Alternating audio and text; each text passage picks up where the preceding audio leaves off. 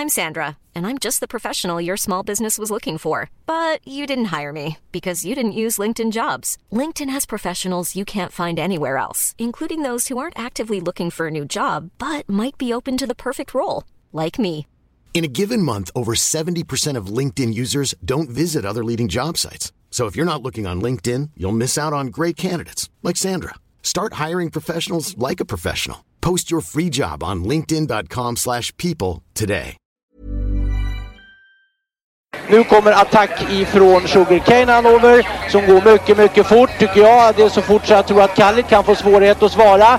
Sugarcane Hanover vänder ut och in på fältet. Startbilen är i rörelse till Svensk Travderby 1987. What the horse, what the driver, nummer ett McLobel och John D. Campbell. Maharaja la Suède, Maharaja s'est retrouvé, le retour, le comeback de Maharaja le 17 vid mina tillfällen. Jag trodde att det var en av de bästa hästar jag hade tränat för. Det tolkades på vis.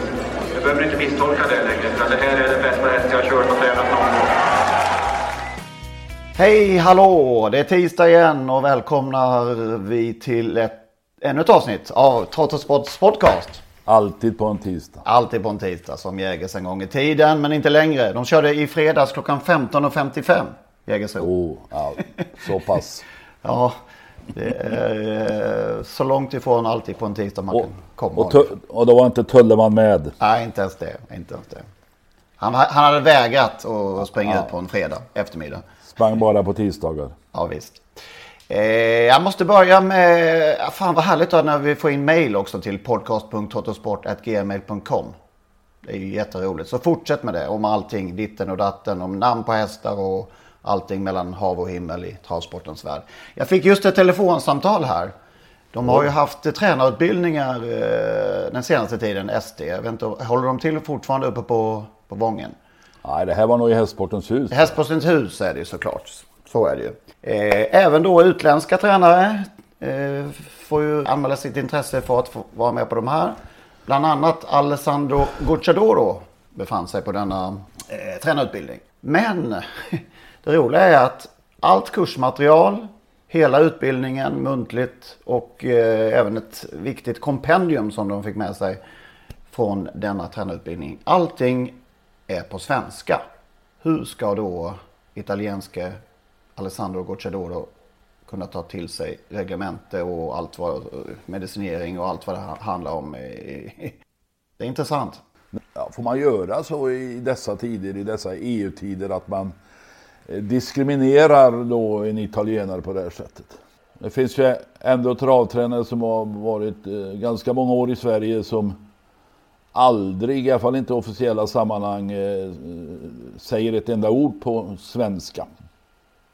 Nej, märkligt. Det var intressant i alla fall att, att ta del av. Det finns för, förbättringspotential, så kan man säga. Hur är det om jag, om jag nu skulle få för mig att ta licens i Italien då? Har de på svenska till mig där? Ja, just det. Nej, vet, du, det måste ju vara en mardröm att komma. Komma hit och, så, och nu ska han ambitiöst att ta det här, licensen. Och sen så är det på svenska allting. Vad, vad sa han första dagen när han förstod det? Får, får jag, får jag nu denna tisdag, denna tisdag morgon den 29 september, hylla Jimmy Takter som idag fyller 60 år. Det säger vi, har den äran så mycket. Hoppas han lyssnar, jag tror han gör det ibland faktiskt. Tror du Ja, det? men det får vi hoppas. Då får vi Ja. skicka ett varmt grattis på en stor dag. Har du trumpeten? Trumpeten Magnus? Trumpetfarfar? Jag som har så mycket fixat idag, men trumpeten hade jag ju inte tagit fram. Alltså. Det var en miss. Ja, en av världens eh, genom tiderna bästa travtränare har han väl rankat som och stäm, Ja. det stämmer vi väl in i också. Absolut. Vad var annars det bästa sen senast? Ja, jag, får jag, jag kastar mig över här. Jag tänkte jag, jag är elak nog att ta den här godbiten. Men alltså, upploppet i svenskt travkriterium.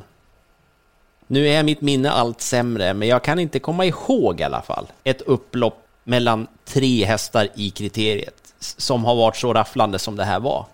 Ni kanske har bättre minne än vad jag har, men jag minns inte att man har sett tre hästar sida vid sida. Verkligen sida vid sida, där, där en häst först har greppet, sen har nästa greppet och så vinner den som såg slagen ut. Nej, kriteriet. Eh, nej, jag kan väl tänka ett derby snarare. Det, det som Cyber Lane var, det vann. Det var väl något liknande kanske. Mm. Eh, många hästar in. Men krit- kriterium, nej. Det ringer Nej. ingen klocka sådär på rak arm i alla fall. Och jag som såg det i en mobiltelefon på en parkeringsficka mellan Alingsås och Skara. Eh, sen kunde jag se det i efterhand men man, blir, alltså man fick ju inte den där feelingen som du nu Magnus, det här upploppet. Och dessutom räknade jag in den här San Motör, det är klart här va. I helsike heller. Och jag räknade, in, jag räknade ju in då Henry Flyer Sisu, satt ju, på, satt ju på en sportbar i Falun där. Och folk kan inte ha fattat vad, vad som hände plötsligt när jag började, jag kan ju sällan vara tyst. Så att jag började ju ropa där på Jorma, för jag kände att det är ju klart, jag vågar ju ropa. Man såg, han höll ju på att köra upp i Lennartsson runt sista svängen där. Och jag såg nu i Timo Nurmos krönika i, i dagens travronden också, att Jorma har sagt att han var helt säker på att han skulle vinna. Det var därför han tog ut hästen så tidigt. Och sen så var det lite slirigt i banan, han slog i vagn tydligen och tappade aktionen och så... Och tappade loppet. Hopp. Ja, tappade loppet där. Det var ju... Men just detta, den här grejen att först kommer han, ser han klar ut Jormas och så ta- taktar han ur. Då kopplar San Motör grepp på Brambling och ser ändå ut som att nu är det avgjort, men då sitter Örjan där liksom. Och så gör han det där igen, att han skickar fram sista biten, att han har det där. Oj, oj, oj, och varit en av Det ägarna i det här loppet. så eh, odramatiskt fram till dess ju. Det var ju ett eh, stereotypt kriterium fram till i princip upploppet. Så att eh, det var ett crescendo på ett eh, från början väldigt odramatiskt lopp. Ja, tävlingen var på slutet. Det är ju, jag gillar att man tävlar. Ja. Jag gillar ju att man tävlar till slut. Det Ja, tycker det- jag är kul. Det är, det. ja, det är faktiskt sant. Det är, ro- det är roligare, det, det håller jag med om. Ja, eh, hur var det nu då? När, nu när ni såg skymningen infinna sig inför svensk travkriterieringen när klockan närmade sig halv sju där på lördagskvällen. Fick ni den där kriteriestämningen som ni vurmade om förra veckan? Nej, men jag stod ju som sagt på den där parkeringsfickan. Ja. Parkeringen. Ja, det är klart det är svårt att Dess- tryck, trycka upp någon stämning där kanske. Dessutom vid en fotbollsplan där det en gång i tiden var publikrekord med den då tillträdande idrottsministern, vad hette han nu då, Bertilsson från Vänersborg, eh, spelade fotboll i Södra Härne. Eh, och eh, hela Sveriges eh, presskår var samlade. Där stannade jag för att se kriterier. Så jag, kan inte säga att jag fick eh, någon lördags eller söndagskänsla. Nej, regnet strilade sakta ner på Solvallsbanan där och mörkret började lägga sig. Var det verkligen rätt? Och, ja, jag, Om jag, vill detta dis- det, jag vill hellre ha det i solen på söndag eftermiddag. Det, så kan jag säga. Ja, om detta diskuteras ju på, eh, flitigt på, på Twitter vad som är bäst och lördag eller söndag och det där kommer vi få leva med. Eh, Men det är ce- cementerat på lördag, det kan jag garantera från och med nu. De kan väl ha det tidigare på dagen i alla fall så att det åtminstone är dagsljus. 15.55. Gärna det. Gärna det. Får jag, alltså, jag, eh, alltså jag gillar ju Stefan Persson, eh, inte bara för att han är Skarapojk som jag. eh, Och att han heter Persson, en synnerligen sympatisk person. Och nu när han har tagit steget ifrån att träna hästar till att eh, mer eller mindre vara hyrkust på heltid.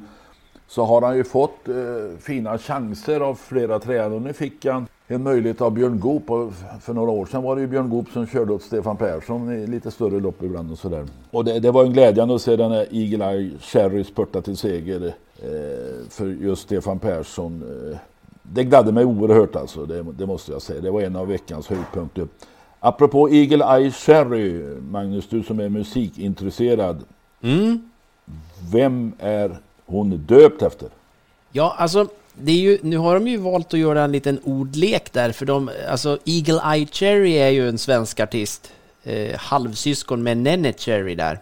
Eh, men eh, de hade ju Sherry på slutet här, vilket ju Ja. är förvirrar även den som ska uttala det här ibland. Eh, men Eagle Eye Cherry är ju en svensk artist. Save Tonight gjorde han ju en låt som hette för många år sedan. Och hans pappa var trumpetare Don Cherry och han döpte Exakt. då sin son till Eagle Eye eftersom han tittade lite konstigt med ena ögat när han föddes. Det var en av mina höjdpunkter. Jag måste få nämna en till. Ängsborken, denna oerhört vackra häst, gjorde comeback. Hade inte startat sedan i mars, haft, hållit på med avel i sommaren. Kom tillbaka och vann eh, Bergsåkers femåringspris på nytt rekord tror jag, 23,5. Har vunnit 12 av 20, 3 slår, slog ju storfavoriten Wollen Nikolaj. Jimmy Jonsson körde Alf Jonssons grabb och gjorde ett klokt val när han släppte ledningen och sen kom tillbaka och avgjorde hur lätt som helst. Alf Jonsson är för mig en, en hjälte på något sätt. Fem hästar i träning. En av dem är den fine, vackre Ängsborken som nu är tillbaka. Jag har två också lite, som, som var lite i skymundan. Eh, vi pratade ju om Walter Lundbergs eh, förra veckan och eh, många hävdar nu att eh, Vagabond B vann på V75. Det är så det heter nu för tiden. Ja men den vann ju på V86 förra veckan. Den vann på V75. Men det var ju Walter Lundbergs som Vagabond B vann. Det som nu alltså är lite grann undanskuffat. Ett gammalt storlopp och Axevalla B-tränaren David Persson. Det ju, gladde väl dig också Lennart? Ja absolut, eh, en mycket fin pojk. Hygglig fotbollsspelare mm. en gång i tiden. Kul att han fick vinna Walter Lundbergs Memorial. Och Svante Eriksson, den här sköningen Dream Creation. Jädra tuffing. Eh, dödens nästan hela vägen och eh, kunde ändå enkelt hålla undan på, inom V75-ramen där under söndagen. Det var två eh, mindre tränare som tog för sig. Det är kul. Jag ska flika in en grej där nu. Stefan Persson har fått så mycket beröm och det, det tycker jag gott att han kan ha. Men han fick faktiskt 28 000 i böter och eh, tre dagars avstängning för drivningen i Oaks. Skulle han ha det? Ja, det här är ju... Ja, det, så här, jag ska säga så här. Nog såg jag att det var yvigt och så, men jag har inte tittat om på det sättet. Jag, har, jag noterade det i resultatlistan, men, men jag har inte hunnit gå igenom loppen igen och så jag kan inte säga rätt eller fel. Men han är den enda i både kriteriet och Oaks som fick böter i alla fall för drivning. Så att den här täta slutstriden i kriteriet fick, där var det ingen drivning. Definitivt inte på Örjan i alla fall. Känns som det var ett gränsfall där på Stefan Persson, men eh, okej. Okay. Det var mång, ganska många, men det var, jag tyckte inte det var så, så farligt. Det var inga hårda, hårda slag, men, men ja, ja. Det är dryga, bö på den, men, ja. dryg, dryga böter i den där loppen, 28 000. Å andra sidan så sprang väl hästen in 2,8 miljoner var det så. 1,4 gånger 2. Vilket innebär då 140 000 i provision så att eh, han gick inte back. Nej. Apropå det här med drivning så fick vi ju ett sms från Bernie. Allas vår Bernie. Björn Norén som väl skrev att i Kanada disk, kan man diska för drivning.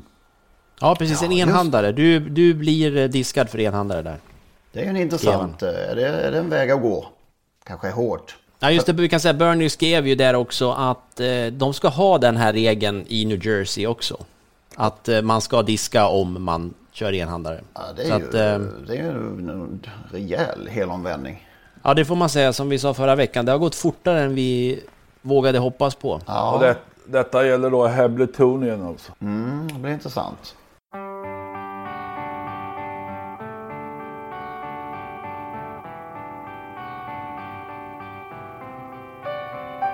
Nu ska vi i vårt nostalgiblock hylla denna man. Travet var inget självklart val. Som 17-åring lämnar Stig sin hemstad Skellefteå och flyttar till Ludvika.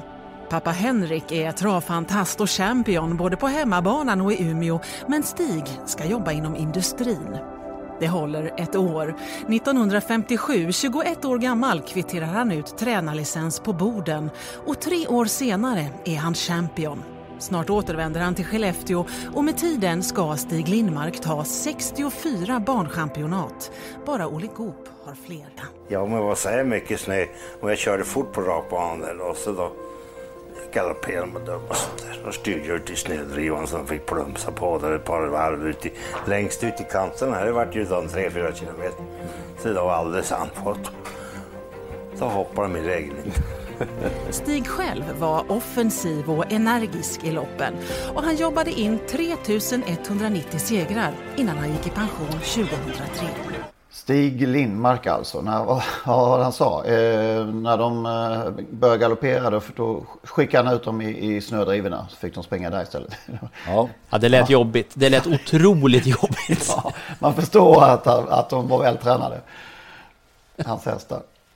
Jag minns jag var, eh, min syster bodde i eh, Luleå i runt 84-85 så då eh, Första gången jag höll till där uppe i, i, i dessa exotiska trakter för en Bleking i alla fall. Jag, jag tyckte det var otroligt häftigt att komma upp. Eh, så en sommarkväll i Skellefteå var jag på travet och eh, jag tror Stig Lindmark vann fem lopp eller någonting i via spåren. Tuggade ner dem. Det var häftigt. Så jag har sett i alla fall eh, Stig Lindmark dominera en tävlingsdag på sin, på sin hemmabana. Där. Alltså, han vann 35 championat på den bana du besökte. Från 1960 till 1996. Dock inte i obruten svit. Lappen Lindqvist vann 66 och Gustav Hallén 73. Mm. För, övrigt, för övrigt så har pappa Henrik Lindmark också varit eh, champion i Skellefteå. Just det, han nämndes ju också här i inslaget. Eh, jag har ett fint minne av Stig. Alltså det var en vänlig själ. Inte loppen för det var han stentuff och det var ju så att när han eh, drabbades av någon kollaps eh, i mitten på 90-talet och ramlade ihop i ett lopp så fick han hålla upp eh, eh, ett tag. Eh, men han sa i någon eh, artikel som Mikael Wikner har skrivit att eh, "Ja, jag måste nog börja köra igen för det blir för mycket upphullade lopp utan mig. Va? Ja, just det. Men nåväl, det var en, en eh, tusenklubbsfest eh, på Axvalla, sannolikt 1990 när Roger Grundin hade, var ny i tusenklubben och skulle hyllas. Den där festen på kvällen var på Knista eh, herrgård här utanför Skövde. Jag, jag satt vid ett bord med Benny Lundgren, Bert Johansson och Stig Lindmark. Eh, alla tre saligen borta. Vid eh, kaffe och konjaken så, så samlas vi i salongen och eh, Kalle Fylking eh, proklamerade Tåb, dra dra min gamla oxe och så vidare. Eh, och det dracks lite konjak men Stig sa efter en stund till mig Lennart kan inte du följa mig hem? Man bodde i någon annex ute på gården, det var höstrusk och, och trist sådär, eh, regnade. Ja, jag följde då Stig under armen hem och när vi kom och jag låste upp den där, det där annexet så tog han upp en bunt tusenlappar ur bröstfickan och skulle ge mig en tusenlapp för besvär. Snälla, Stig, du, du, du, du behöver inte betala för den här lilla korta promenaden. Men det var sig inte bättre att de där tusenlapparna blåste iväg. Ett tiotal tusenlappar. Och for över hela gården där va. Och ut på golfbanan som ligger bredvid. Och vi letade en stund och jag hittade väl fyra. Och, och, och gav till Stig och då sa Stig så här att ah, vi struntar i det här Lennart. Jag har många sådana hemma. Men jag, jag kan tänka mig alltså att de här dagen efter som slog ut på hål 9 där på Knivsta golfbana. Oj, där ligger en tusen. Alltså man kan hitta en boll ibland men nu var det tusenlappar. Ja. Ja, det var en generös eh, dricks han, han var på väg att ge då. En, en, en lax för, Ja. att, för att gå över gårdsplanen där. Han vann 103 lopp med Sabin. Som vann 182 tillsammans. Pappa Henrik körde väl de övriga då. Han vann 105 lopp med Dun Bunter. Eh, tusenklubbar 1972. Suitcase, Amos Stote. Handbag hade han ju också i början av karriären. Ja, Suitcase och, ja just om du nämnde där. Suitcase och Amos Dote, det var ju mina favoriter. De var ju härliga båda två. Otroligt. Ja, Amos Dote och det, är sånt där namn. Vad, vad hette han? Ja, ja. Och Ja, nu men- körs, körs. Men alltså, det, jag älskar ju det här när man hyllar sina gamla hjältar med eh, egna minneslopp. Och just Stig Lindmarks styrkeprov är ju genialt faktiskt. För att hans hästar var ju starka som björnar. Som sagt, de där snödrivorna som, Ja. på, på isen. Han avled ju då i sviterna efter den trafikolycka han var med i va? Eh, Utanför sitt hem eh, i byn Gärdsmark. Eh, Vilket år var det? Var det 2012 va? Ja, Jag tror det var det. Han blev påkörd Ja. där när han var ute och knallade på vägen. Precis. Så att, eh, ja. Sandy Brodda hade han ju också. Ja. Sabestus, ska vi inte glömma heller kanske. Och eh, Bordbäckspolly då va? Just det. Och de var väl söner till Sabine och nästa Bestus och Bobäck-Polly tror jag. Mm, mm. Ja, tack för allt Stig Lindmark säger vi.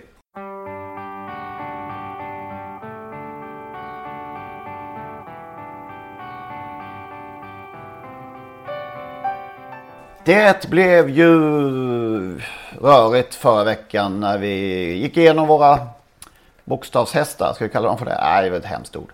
Eh, våra, Våra- häst, våra- hästar på olika begynnelsebokstäver. Ja, ja, Extrem, det var ju- där blev det rörigt.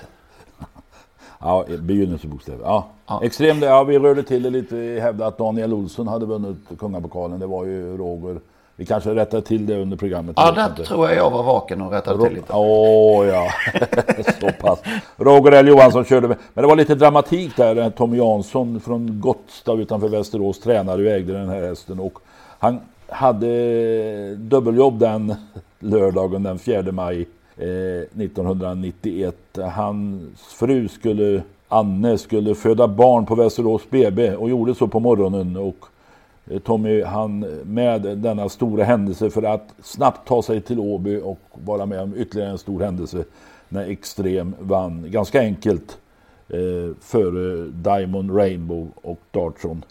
Eh, så att eh, Tom, det, det, var Tommy Janssons dag i livet, det kan man ju tänka sig. 4 maj 1991. Först bli far och sen ha en kungapokalsvinnare. Har vi det rätt nu? Tommy Jansson tränade, Roger L Johansson körde väl oftast va? Ja. ja I alla fall i början, I början. körde ju... Hör, sen kom, blev ju Daniel ordinarie kusk. Mm. Men framförallt i kungapokalen, Roger L Johansson. Ja. Ja, men då kliver vi väl in på, eh, har vi kommit fram till G och H vad gäller våra kära hästnamn som eh, röner ett visst, eller ett ganska stort intresse. Det är härligt engagemang. Det var någon som eh, Peter Törnqvist möjlade in igår om, och jag håller med honom, Emil Bermon. Den härliga goa hästen glömde vi hos Jim Frick. Eh, Emil Bermon. Trä, ja, tränad av Lennart Pettersson där uppe i Dalarna någonstans. Ja, Frick hade väl den också kanske, men Lennart Pettersson var Han körde i alla fall oftast. Ja, det gjorde han. Det gjorde han absolut. Ja. Eh, Dennis Olsson påminner om Flamma Stolt. Flamma Stolt. Bröderna Revelj hade den. Lars-Göran körde väl oftast, eller i alla fall stod som tränare. Hade du några fler där som... som eh... ja, vi hade ju Stefan Olsson hörde ju av sig om, om eh, ägaren Stall Greppo som döpte hästar efter folk han inte gillade. Okay, och då hade han ju en häst, på F, en häst på F där som hette Fru Byråkrat. Och vem, ja, just det, just vem var då denna Fru Byråkrat? Ja, det, det, skulle man vilja veta. Det kanske du vet Lena? Ja, jag tror jag har det. Det finns många. ja, han var speciell. Vem vill börja på G? Magnus, jag, kan, jag, hugg, ja, jag hugger en. Jag hugger en här. Vi, vi, ja, vi, vi den här punkten är ju speciell. Det är ju, dels är det ju det här med att man minns ju häst eh, oavsett vad de har presterat så kommer man ju på en massa hästar på de här bokstäverna. Men vi, tanken vi hade där var ju lite att det skulle vara ja, fina, vackra, härliga namn. Eh, på G finns det ju jättemycket bra hästar, men en häst som poppade upp direkt redan när vi började på bokstaven A som jag skrev på en lapp här och som ligger framför mig. Det var hästen Gamäng. Mm, ja, det är läckert. Är det någon som minns den ens? Nej. Nej. Startade mycket här uppe. Det var Sven-Erik Landin, alltså uppe hos mig här i, i Dalarna, Gävle. Eh, Sven-Erik Landin tränade. Okay. Och, och, han, som sagt, rätt flitigt förekommande. Min, min lilla syster hon spelade alltid plats på Gamäng. Det var hennes favorittest. Hur, vad, hade han i, vad hade han i platsprocent? Ja, eh, jag minns inte platsprocent, men han vann sex eh, lopp på 51 starter och sprang in 160 000, så det var ju långt ifrån en stjärna, men det var ändå när Gamäng startade, då skulle syrran gärna åka med. För då ville hon se Gamäng. Var det Rommes Tulleman? Ja, det var ju en jävla häst egentligen, men som sagt, det, det, ja. Men, Så men, det, ja, och det är ett bra namn tycker jag, Gamäng. Verkligen. Ja, fortsätt. Ja, jag, har, jag har en till, en, en färsking i sammanhanget då, men det är Galactica. Det tycker jag är ett bra namn. Storchampionatsvinnare 2016 och så sent som i lördags var det väl på eh, V75 där så såg hon ju ut att vara på väg att bli så där bra, riktigt bra igen. Så jättefin ut. Men jag trodde ju faktiskt att hon hade gjort sitt bästa, men nu såg hon kanonfin ut i lördag. Ja, precis. Ja, jag, får, jag en till. Jag, av, jag, ska avsluta med en till. Ja. Det var ju den viktigaste av dem alla egentligen. Gamäng får ursäkta. Men ett, ett sånt här citat från Hans G Lindskog som har hängt kvar. Det är en gång när han sa den här hästen, han är snabb som en geopard. Vad är en geopard, Hans G Lindskog? Jag tror han, han hade lite så. Han, eh, men hur som helst, Geopard. Eh, jätteflitig i V75. Jim Frick körde, ägdes av Börje Törnqvist och tränades av honom också. Men som gjorde 18 starter på V75 men aldrig vann. Men det var en sån häst som, som ju var med väldigt mycket på V75. Sprang in 1,4 miljoner. Geopard. Han vann många lopp i början på sol. Jag minns den väldigt väl från, från ja, inledningen av karriären på, hemma på Valla. Eh, Gavin Efter Gay Noon har vi två direkt. Gay Noon och Gavin slår jag till Mm. med. Här, två härliga hästar från den äldre tiden. Sen har jag en given. Jag vet inte om det är ett, det är väl ett kennelnamn. Men jag älskar den här hästen. Hon var ju topp som två och treåring. Men i princip slut efter det. Jag fattar inte vad som hände med henne. Gillade utseendet på henne. En sån här söt häst som vi har pratat om tidigare. Julia Griff. Minns ni henne? Hon vann ju Orsi Magnelli bland annat eh, italienskan. Eh, början på, början på decenniet. Julia Griff. Fint namn också. Minns ni Ja. henne? Nej. Nej, det gör inte jag. Det är Italien är din grej där. Ja. Gustafsson blir man ju lite glad av. Ja, faktiskt. Man vet ju vilken det är liksom. Det, Ja. ja. Här kommer Gustafsson. Ja, ja. Gina Roy. Hon var ju fin. Hon var fin och det är ett härligt namn tycker jag. Digge Johanssons, bland annat storchampionatsvinnare, var väl favorit i derbyt också.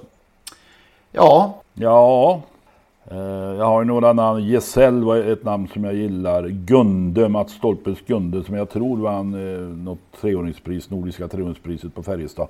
Gunde, jag gillade Mats Stolpe också. Så att, men för mig är ju G-hästen utan någon som helst tvekan Grain mm, jag hade den på listan också men valde att släppa den till. Ja, tack ska du ha för detta. Vinnare av eh, kriteriet och derbyt och det där eh, välkända derbyt där Stig och hade stallkamraterna Grein och Galini och valde Grein som hade vunnit kriteriet och nu var det dags för derbyt. Och Stenhjärnan Helt fick ju då chansen på Galini. Många, många tyckte ju då att, eh, eller spekulerade i, framförallt i tidningar, att eh, Stig hade valt fel häst. Grein alltså. Men eh, Grein vann ju ganska lätt före just Galini och eh, Stigå som på den tiden kunde vara lite snorkig sådär. Läxade ju upp journalistkåren efter segern där. Vi stod nere i stall, stallet där han hör till och talade om att jag hade minsann rätt. Och det hade han ju faktiskt. Eh, Vad, tro, vad trodde spelarna? Var, vi- vem var favorit? Ja, jag tror Grein var favorit faktiskt. Trots allt. Men det var ju ändå spekulationer alltså. Våldsamma spekulationer. Eh, Klaus Braune Hjelmstall Traviata ägde, jag fått upp båda hästarna. Grain vann ju 18 av eh, 32 lopp och dog bara några veckor efter Hugo Åberg som femåring. Eh, pungbrock om jag minns rätt. Stig fick det där beskedet eh, en lördag i eh, sin bil på väg till någon travbana. H tyckte jag var den, den värsta bokstaven hittills. Eh, Den var svår. Men jag börjar med, med den här. Jag har ett litet eh, 15 sekunders klipp på den. Det är fortfarande tre hornshoter utvändigt. Attackerar fem Legolas, men det är tre hornshoter alltjämt följd av fem Legolas, sex Happy Feeling. Det är nummer tre hornshoter på väg mot mål. Nummer tre hornshoter. Hornsoter. Vilken härlig. Det var den där första tiden. eh, Den här första förälskelsetiden i travet. För min del. Den där eh, 83-84. Han var så... eh, Ja, det är ett, ett namn ja. Och en häst som jag minns väldigt väl. Raymond Ströms stjärna där ihop med... Han var, hade väl stall ihop med Kjell Brandt va? Nej, perioden. P.O. Bengtsson. Jag tror Kjell, Kjell Brandt i alla fall har påstått att han hade stall Ja, ihop var Raymond med. Ström. Och Svante Bengtsson, men det kanske var på Mantorp till och med. Okej Ja, det var nog Mantorp-tiden det tror jag. Hornshoter var en läcker Ho- häst. Verkligen. Dog ju i en träningsolycka. Var det så att han dog där när Torbjörn Ja, jag krockade? tror att, det var, tror att det var så faktiskt. Eh, hemsk olycka på Solvalla. Jag var några dagar senare och hälsade på Torbjörn på sjukhuset tillsammans med Jim Frick och Kaj Widell.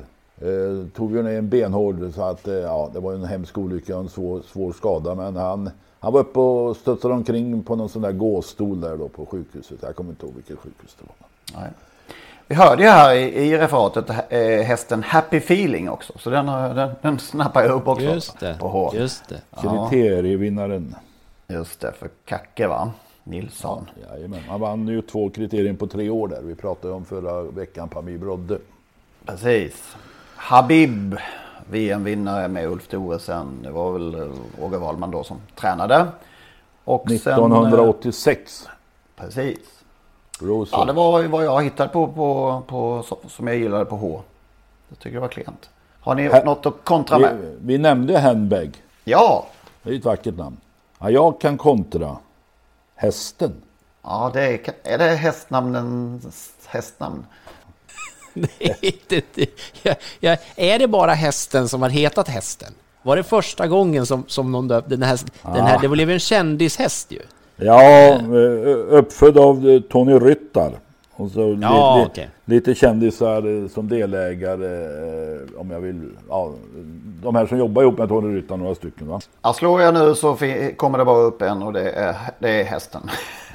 Det var ju begåvat att, att nypa det namnet, var först med Ja, att ta det namnet. Då. ja, det kan men ju... är du förvånad? Tony Ryttar är begåvad.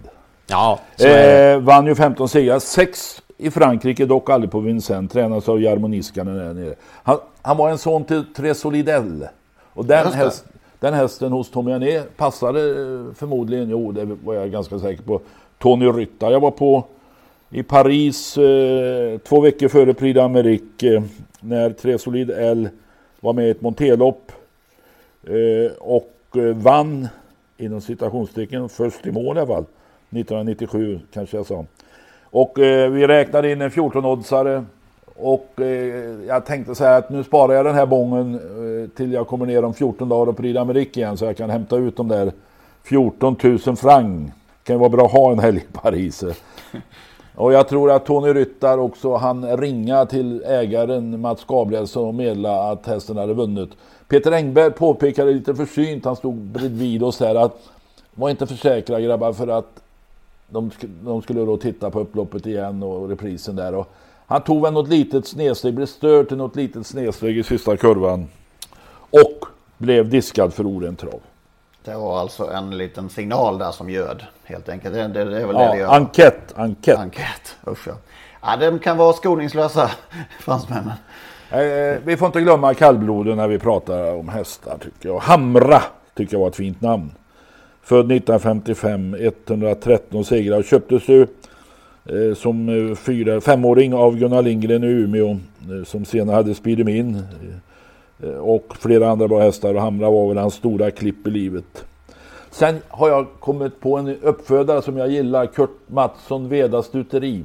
Kurre Mattsson. Han, han var bra i sitt sätt att döpa hästar. Korta, slagfärdiga, kraftfulla namn. Jag tar en Hoppla och Hopp. Tack för mig. Tack för mig. Magnus. Jo, om jag hakar i där med kallblod. Eh, Det poppade upp ett namn på H där då. När jag, när jag tänkte, det är Hibogubben. Ja, den, ja, just det. Det är mycket fina namn bland kallblod. Tyvärr minns man ju dem lika dåligt som alla andra. Men det, det finns som... Där är det ju... Kallblodsuppfödare har, tycker jag, ett, verkar ha ett roligt jobb. Jag skulle kunna försöka ta på mig det och få döpa. Det, det är kul. Det blir bra namn. Det blir... Det är nå- en viss karaktär. Man kan liksom inte döpa ett, ett, ett varmblod till Hibogubben riktigt. Det- Då blir det fel. Men de hittar, ehm, hittar rätt där. Ibland Eh, tror man ju faktiskt att varm, alltså, när man, namn på varmblod, ja, det där är ju kallblod. Jag har en här faktiskt. Holmskogsherren. Ja, det är ett kallblod. Ja, gud. Men nej, det var väl ett varmblod? Ja, det var ett varmt... Jag vill minnas, var det Glenn Norman? Ja, det tror jag det var. Det, Ja, det låter som ett kallblod hävdar jag med bestämdhet. Ja, det, precis. Det, det är intressant för att det här är också sån där Holmskogsherren, när namnet poppar upp för mig i huvudet, då, då tänker jag, ja, följetong på V65, det var ju länge sedan det här, följetong på V65, måste ha vunnit en massa lopp, oj, oj, oj. Eh, Sju segrar på 108 starter, 235 000 insprunget. Men jag minns hästen. Verkligen. Nu kommer jag på en, en häst som man inte får glömma på S. Med lika många stavelser som Holmskogsherren. Men det tar vi då. Det tar vi då. Ja, skriv det på en lapp. Låt, låt mig avsluta detta då med att även nämna Helge Solo. Ja, kallord igen. Efter Solo och Helgebrun när de vände på det. Helge Solo. 115 segrar. Folke Hjalmarsson tränade. Jag tror vi hakar i där då med... Eh, jag har fått in lite synpunkter och åsikter som vanligt från en viss Anders Lindqvist. Det är härligt, härligt att konstatera. Eh, Alltså, finns det någon människa, han är i min ålder, som är så otroligt engagerad. Han läser allt om, om hästsport världen över. Han lyssnar på poddar, han ser på tv.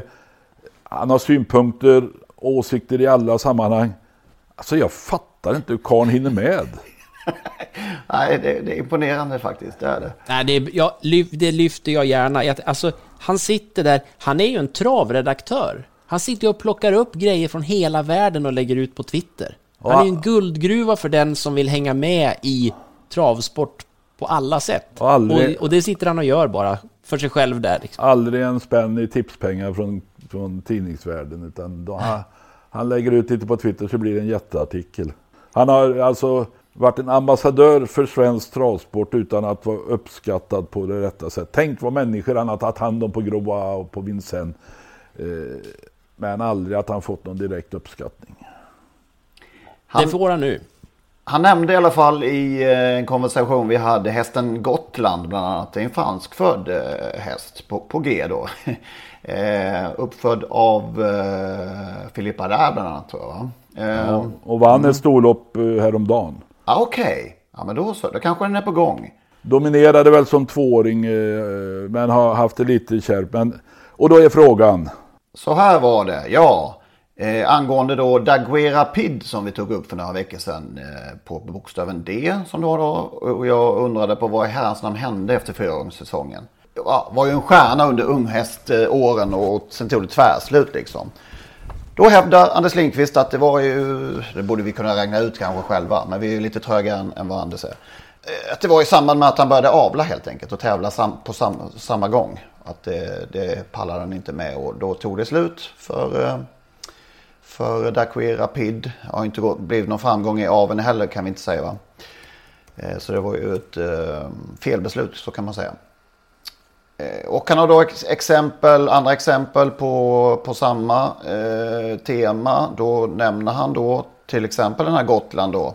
Eh, Django Riff, Charlie de Noir, Brillantissimi. Eh, och i Sverige tycker han att vi har ett färskt exempel i en viss Campo Bahia.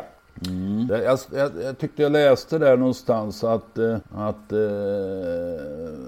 Campo, eh, det gällande Lugauer sa att han hade, han eh, hade inte riktigt kunskap om det där med att tävla och mm, avla samtidigt och att det var ett skäl till att han hade gått sämre. Och det, det, det bekräftar ju det då.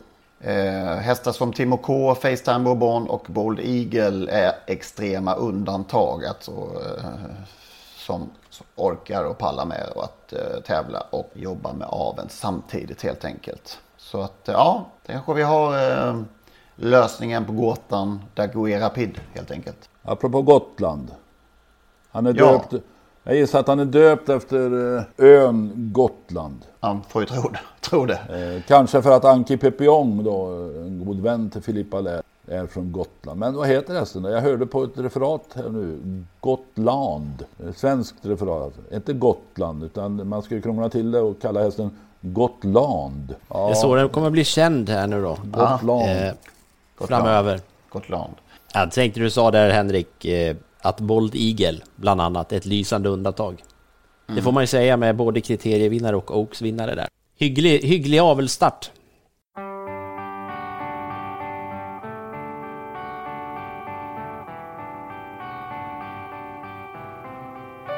Nästa vecka är det SM-vecka på Åby. Det är en härlig travdag på alla sätt.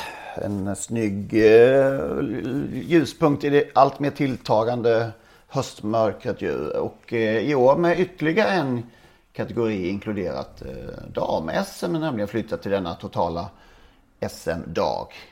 I syfte... Och nu, nu, nu kommer ditt hatobjekt nummer ett. Nej, inte hatobjekt, men det där med dam-SM, det, det är inte din grej. Det är inte min grej. Damlopp överhuvudtaget är inte min grej. Det har jag tagit upp många gånger tidigare. Men det är, det är ju ingen som lyssnar på det, verkar det som. Eh, vi, håller, vi fortsätter med, de här, med den här företeelsen. Jag vet inte. Så länge vi behandlar kvinnor som något som måste särskiljas. Som någon slags eh, tillbehör som kan hålla på där borta och leka.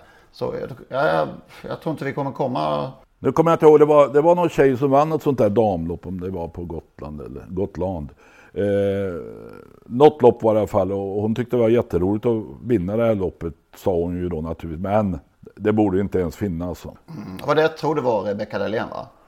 så kan det ha varit. Faktiskt. Vi är ju en av få sporter som tävlar på lika villkor. Då kan vi väl när vi är på, som det brukar heta, det är faktiskt 2020 nu.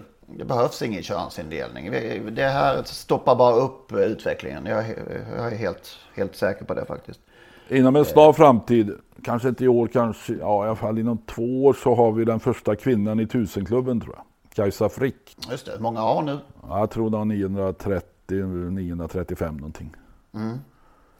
Nej, bort med damlopp så flyttar vi fram positionerna tror jag. Ja, det är ju det är så avigt. Du sa det så bra Henrik, men det är ju helt avigt verkligen. Travsporten har ju all möjlighet i världen att profilera sig här. Det är en sport där, som du säger, de täv vi tävlar ju på lika villkor män och kvinnor där. Varför ska damerna ha egna lopp där de ska tävla mot varann och ha det? Det är ju... Äh, du sa det. Du sa det så bra. Och som nu då, jag tittade, vi har alltså 11 kvinnliga kuskar på topp 100 i Sverige nu i alla fall. Och det är ju, vi går ju åt rätt håll, även om man kanske kunde tro att det skulle gå lite fortare. Eh, och Monté där har vi ju haft kraftig kvinnlig dominans i. Men, men alltså, som du säger, så länge vi har ett dam-SM, det är klart att då, det går ju inte fortare till att, att vi tävlar, att man tävlar i samma lopp bara då. Nej. Det gör det ju inte. Ja, det är obegripligt. Det är det. det är Ett herr-SM är ju helt in... Jag menar, tänk om vi skulle få det, ett herr-SM på SM-dagen. Ja. Örjan Kihlström vann herr-SM i trav. Då skulle ju hela... Ja, alltså alla skulle ju skratta då. Ja, det är ju en inställningsfråga det här. Att pusha istället för eh, tjejer och kvinnor att... Det här är bromsa, det här är att bromsa tycker du? Det här är att bromsa. Det här är att bromsa. Varför kan inte Henriette Larsen till exempel vara andra kusk i Peter Untersteiner stall? Hon kanske inte vill, jag vet inte. Bara som ett exempel. Ehm, istället för vem det nu blir, Ulf Olsson eller varför kan inte, Ja, oftast är det Johan Untersteiner. ja oftast Johan. Varför kan inte bara Peter bestämma det? Ja, visst, Elin Gustafsson hos Frick. Precis. Frick av Elin chansen. Det är, det är bara att se vad det, vilket resultat det gav. Ja, det är bara att göra det. Ja. Ja, nu fick jag säga det. Det- Henriette, det är ju ett bra namn på H. Dessutom, dessutom. Jätteduktig kusk. Då är det alltså Skellefteå som vi sa som tävlar i, eller tar hand om V75 omgången på lördag. Eh, hur går det spelexpert eh, Stålberg? Hur hur gick det senast? ja just det.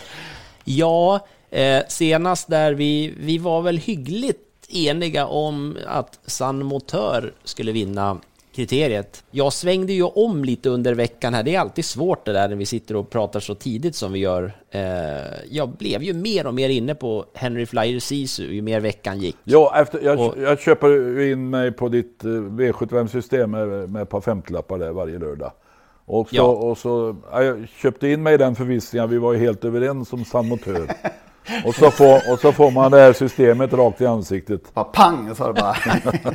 Nej, där satt vi ju, om, om jag ska prata om det, men där satt jag ju från början faktiskt med Hoboken Am som spik. Men hon var lite, såg lite snurrig ut i den första värmningen. Det var ju bättre sen, men där och då, eh, snabba beslut. Så då gjorde jag ju så att jag tog två A-hästar i Oaks istället och fick ju då faktiskt med Stefan Persson som andra A-häst. Så det var ju bra. Men jag vände över då till att istället spika Henry Flyer Sisu. Vilket var en Eh, förbannat var- bra spik. Otroligt Ja. bra och till den procenten som det också var. Det var en, en ah, det var världens är- bättre öde. Vi är mycket nöjda med din spik, nu får du en ny chans.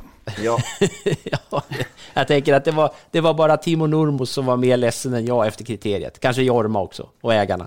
Nej, det var snopet. Jag fick sitta där med sänkt huvud på den här sportbaren för att alla undrar vad höll han på med. Så är det. Jo, och sen avslutade vi, om vi ska avsluta förra veckans då, så var det Pleasure for Cash spikförslag, men han fungerade inte alls om det var banan eh, som ju enligt vissa, eller ja, det var ju inte en riktigt optimal bana, även om det kanske blev bättre under dagen. Men han fick det inte att stämma alls. Ehm, så det var förra veckan. Den här veckan är i Skellefteå tidigt i veckan. Jag har, jag har en måste-häst. En absolut måste-häst och det är kallblodsloppet. Steg bäst minne, V75 3. Pavefax. Där Ja. är, nu är det ju otroligt tidigt eh, i veckan här vad gäller streck och så. Just nu är, är Björn Karlssons Tangenhop superstor favorit. Han galopperar ofta den där powerfaxen. Han gör ju det, och det är naturligtvis det som, som är... Det är inget bra, självklart inte det, men, men alltså den här hästen är... Jag tycker att det är den bästa hästen i det här loppet. Eh, och eh, OVA har ju vunnit förut åt, åt mig och våra V75-tips där med Mind Your Val- Value VF, så att Pavefax är är min idé i omgången som det ser ut nu. Sen tycker jag, eh, och här kommer inte... Det är bar, inget- barfota runt om nu också. Ja, visst vet du. Vad är det för Det är vagn? fina- Vad är det för vagn? fina grejer. Hybrid. Huvudlag. Huvudlag. Som Ja, det vet vi inte. Hybrid i alla fall som senast. Och sen, sen tycker jag att eh, det vill ju, vad man ska säga generellt om, om sådana här omgångar när det kommer uppåt norra Sverige, det brukar ju kunna bli ganska ojämna lopp. Eh, och delvis är det väl så den här veckan också, men ett lopp som ska bli väldigt roligt att se, det är ju eh, klass 2-försöket som går över 3140 meter i flera riktigt spännande hästar i samma lopp här. Eh, och jag är väldigt nyfiken på att se eh, Petri Salmelas Leave Your Socks On. Den har hittills aldrig gått barfota för övrigt, passande namn där. Eh, jättespännande häst, men den möter... Det finns andra hästar här, så att jag vet inte riktigt. Jag, jag tyckte ju först när jag såg startlistan att "Hej, kom, nu kommer den ut. Den här är ju en jättespännande häst, men mm, det skulle ju vara lillspiken då kanske, för mig. Om vi Ja. säger att, att storspiken blir Pavel Fax. Det är två... Alltså jag vet inte om den här Leave Yours också blir favorit. Det, det kanske den blir till slut, men det här är ett jättefint klass 2-försök. Riktigt kul. För att återkomma till Stig Lindmarks styrkeprov då. eh, Alltså Verry Kronos har ju en ytterst lämplig uppgift. Eh, Lugn avgång där bak, tre hästar tror jag det var på volten och, och sen rundar han ju det där gänget vilket varv han vill. Ja, det är, ju, det är ju så. Står han på benen så är det ju, det är ju jätteskillnad på klass. Han är ju jobbig att, eh, alltså. Har att göra med. Ja, men nu kan han köra, han kan köra med, spelare. han kan köra med marginaler, han kan köra tredje, fjärde, han behöver ju aldrig vara nära de andra hästarna. Nej, förvisso. Han är ju Ja, 100 meter bättre. Så är det. Men han, och så hoppar väl han då i sista kurvan. Ja. 30 Det är så- meters ledning. Tackar ju. Ja. Han är jobbig. Ja, men jag, tror jag, jag, jag känner att jag stannar där. Vi får ju se, som sagt, vi, vi har ju den här Seismic Wave i V75 5 också, men det är ju ingenting att, att sticka ut hakan med och så. Jag vet inte själv hur jag kommer att förhålla mig till Seismic Wave den här veckan, men, men som sagt, det är, det är lite ojämna lopp kanske. Det är väl det som talar mot omgången som helhet, men sportsligt lite kul ändå. Framför allt tycker jag klass 2-försöket. Maila oss gärna som sagt podcast.trottosport.gmail.com om allt mellan himmel och jord som sagt. Och uh, följ oss på Instagram och Twitter. Trottosport1 va, heter vi där. Eh, där kanske Just du lägger ut någon eh, sen idé framåt fredag, lördag på, Ja. på V75. Det kan väl vara värt att göra det. Det är ju inte mer att man ska byta fot så där mitt under veckan när man har Va- trott på en precis. häst. Vad får vi men, för eh, smäll i ansiktet eh, när vi öppnar systemet på lördag? Den här veckan. Jag kanske ska ringa Lennart och berätta hur jag... Nej, men alltså det, Om jag ändrar mig. jag, jag tycker det är roligt. Alltså jag brukar inte öppna systemet förrän det har gått ett par avdelningar. När man är utslagen på något annat system. Nej, då har jag ju alltid Smyger du in. Stålbergs eh, kvar. Va? Så att eh, jag, jag är nöjd med det. Ja. Dessutom får man ju det här, man får ofta det här mejlet från ATG, man får ofta det några avdelningar in i omgången. De är väldigt sena med det. Det är inte... Ja, det, är inte kan, det kan dröja till halv sex ibland. Ja, halv sju Så att, också. eh, oj! Ja, ja det är väl... Där kan ni ha förbättringar att göra, ATG. Ja, det är, jag måste berätta det här med att öppna system sent här då. Förra året eh, så fotade jag ett bröllop. Jag gör ju det normalt sett när folk gifter sig. Det är ju inte så det här året. Men eh, så förra året så plåtade jag ett, ett bröllop i slutet av augusti. Fullt upp hela dagen där. Eh, men emellan varmrätt och dessert var det paus. Eh, jag hade hunnit se första V7 tror jag, innan jag var tvungen att börja plåta. Så där, där visste jag hur det hade gått, men i övrigt visste jag inte alls hur det hade gått. Tittar på loppen lite, lite snabbt sådär och, och konstaterar att ah, ja, det, nu är det svårt och där, ja, det var knepigt och sådär. Och sen eh, kommer sista loppet och eh, där vinner Ringo Starr Treb. Och det enda jag visste då att jag var med på Strappa signatur på, på Twitter. Han hade gjort ett tillsammansbolag där som jag var med i. Och jag, han och jag hade haft en diskussion där på, på förmiddagen där om, om jag skulle spika någon annan men han trodde stenhårt på Ringo Starr Träb och det gjorde inte jag alls. Så tänkte jag, "Jaha, han hade ju den spika, just det, jag måste rätta det här systemet. Och så börjar jag gå igenom, ja den klarar han ja den klarar han ju. Ja den klarar han också ja. Och så var det tror jag, en skräll i sjätte, ja den hade han med. Ja men Ja just det, har vi sju rätt? Så jag hade fortfarande ingen aning om utdelning där. Och så scrollade jag ner och längst och då stod det gav ju över fyra miljoner där då. Jag hade en liten del men ändå, det blev väldigt rolig bröllopsfest där. När jag fick lägga ifrån mig kameran. Skål på er, sa Det- du sen. Ja, det var... Så att det, det där med att rätta efteråt kan vara ganska kul ibland också. Men jag tycker det, det hör på något sätt forntiden till det, att man väntar till efteråt med att rätta. Det har han gjort så Smyga med en tidning på text-tvn liksom. Ja, gå med hörselkåpor Vilket hela skulle man dagen. välja då? Vad gick, en, vilken, vad gick man från vilket håll? Oddset eller, eh, eller hästen liksom? På text-tv. Ja, det var det. Ja, men Ja. du, vilka minnen. Det är ett helt avsnitt om Ja, det det, det här sjuka beteendet som man utvecklade. Apropå som ingen förstod. Alltså. Åke Bergström. Åke Bergström alias Sälen hade något special när han smög fram där på, på, på text-tv. Han gick fram och höll något papper för tv-rutan så flyttade han det där pappret. Om det var odds eller om det var bokstäver, det vet jag inte. Men apropå det här att titta i efterhand. Jag läste i GP att Häckens sportchef som snart ska sluta, Sonny Karlsson, åker inte med på bortamatcherna längre. Och han tittar heller inte på, på eh, matcherna direkt utan han tittar på dem i efterhand. I lördags när Häcken spelade, eller var det söndags kanske mot Malmö FF, då tittar han inte på matchen utan han målade huset. Sen tittar han på matchen i efterhand, men då vet han redan resultatet. Eh, Så att det är ju lite speciellt av en sportchef kanske. Sälen, han är den enda som har skällt ut mig efter att sedan man har fått in en stenklar vinnare i tidningen. Ja, jag, jag hade i alla fall, jag tippade den och, och, och den vann till 15 gånger. Jag hade satt den i fyra gånger. Det tycktes, helvete vad dåligt tyckte Sälen. Ja. Ja, Sälen hade en häst som hette Patron Iran. Patron Iran hos Bosse Takter. Jag tror det var Patron Iran hos Bosse Takter. Den var med på Åby V65 på den tiden. eh, En lördag. Och det var skitig bana. Och inför loppet så gick eh, Åke Bergström, Sälen, ut i garderoben och satte på sig botinerna. Och då sa jag, frågade jag honom, Åke, skor du för prisutdelning? Och han blev så jävla arg.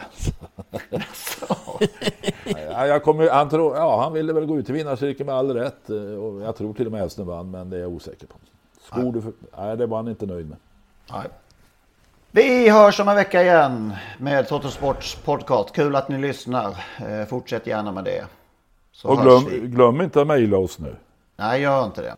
Vi har ju glömt jättemånga hästar på, på G och H. Garanterat. Eller glömt och glömt. Jag har, jag har några namn där, men jag, jag litar på våra lyssnare. De har... eh, Mm, det finns rätt många fina hästar på G och H. Det gör det. Ha det så bra. Hej då. Hej. Hej då!